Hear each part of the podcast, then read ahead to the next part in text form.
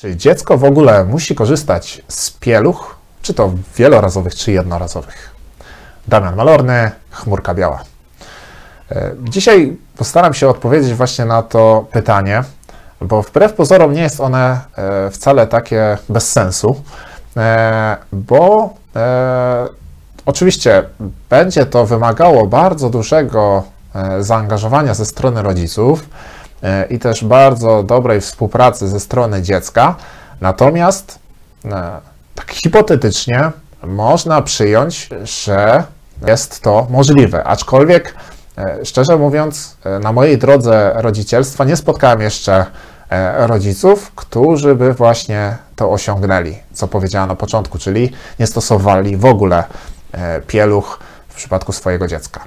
Ano, mm, odpowiedzią na to, e, na tą hipotezę, można powiedzieć, stawioną, postawioną na początku tego filmiku, jest e, naturalna higiena niemowląt.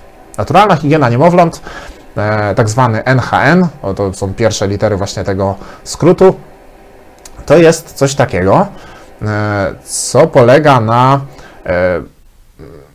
można powiedzieć, odczytywaniu sygnałów, które daje dziecko chwilę przed tym, zanim właśnie dokona e, swojej fizjologicznej potrzeby.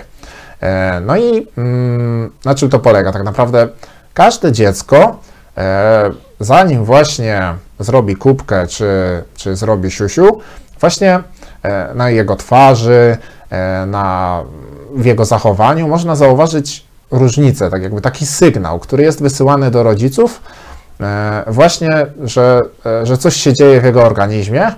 E, I jeżeli e, pójdziemy za tym sygnałem i e, nagrodzimy tak jakby ten sygnał w postaci takiej, że właśnie dziecko wypróżni się do, do miski, czy do toalety, czy do wannienki, jeżeli w ten sposób nagrodzimy ten sygnał, no to dziecko nauczy się, że jeżeli będzie wysyłany ten sygnał właśnie w momencie chęci oddania swojej fizjologicznej potrzeby, wtedy mm, tak jakby nauczymy to dziecko, że właśnie e, współpracujemy z nim.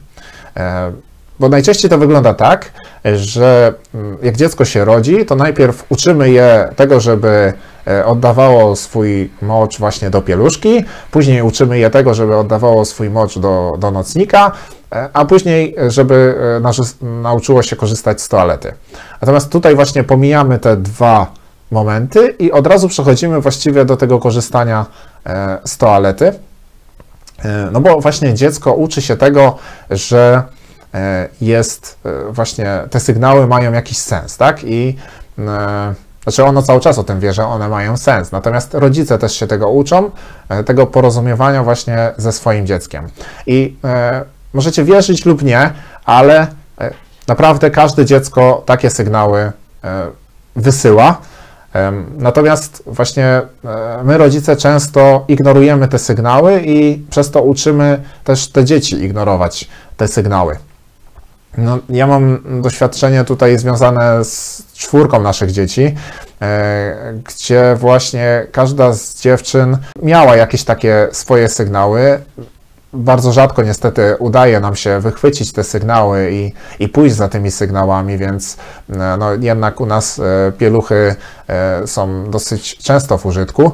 Natomiast znam osoby, które na przykład w wieku właśnie e, 3, 4, 5, 6 miesięcy doszły do takiego etapu w swoim życiu, że właściwie bardzo rzadko zdarzało im się właśnie zmieniać mokrą pieluszkę swojemu dziecku.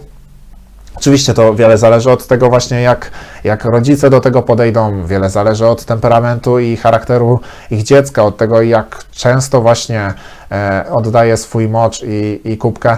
Natomiast e, ja jeszcze mogę się podzielić takim doświadczeniem, że jeżeli właśnie pójdzie się za tym sygnałem i, i rzeczywiście jakby przyzwyczai się to własne dziecko do tego, że te sygnały rzeczywiście są odbierane przez drugą stronę, to uwierzcie mi, że ta radość i, e, i ten uśmiech, ulga na twarzy dziecka, które właśnie e, doświadczyło tego, że, e, że właśnie, że zostało odczytane te jego sygnały i no to jest po prostu niesamowite. Tego się nie da z czymś innym porównać. Polecam każdemu spróbować, e, to bo mm, tak jakby właśnie też e, ta postawa, którą się przyjmuje w trakcie e, tego zabiegu, nazwijmy to tak, procesu tak zwanego wysadzania dziecka, mm, ułatwia też na przykład to, to wypróżnianie się dziecka, no bo najczęściej to wygląda tak, że właśnie kładziemy dziecko sobie na, na klatce piersiowej, podciągamy mu nóżki do góry i właśnie ono wtedy tak naprawdę e, ma tą najlepszą pozycję do tego, żeby właśnie wszystko to, co ma z niego wyjść, żeby wyszło e, i, i żeby miało e, puste jelita właśnie i, e, i to naprawdę jest e, mega ulga właśnie e, dla tego dziecka. I, i, polecam, myślę, każdemu spróbować. e, i zaufać też właśnie swojemu zdrowemu rozsądkowi, jeśli o to chodzi, jak to dziecko ułożyć i w jaki sposób to zrobić, żeby nie zrobić mu krzywdy. E, No bo wiadomo, że trzeba tak naprawdę to dziecko ustawić w ten sposób, żeby ono miało podparcie mm, pod kręgosłupem tak naprawdę pełne, tak? Czyli to już trzeba w zależności od tego, jak, e, jak duże mamy dziecko, no to to ułożenie będzie się trochę między sobą różnić. E, To tyle ode mnie. Do zobaczenia. Niech wieść o wielo się niesie. Trzymajcie się. Hej!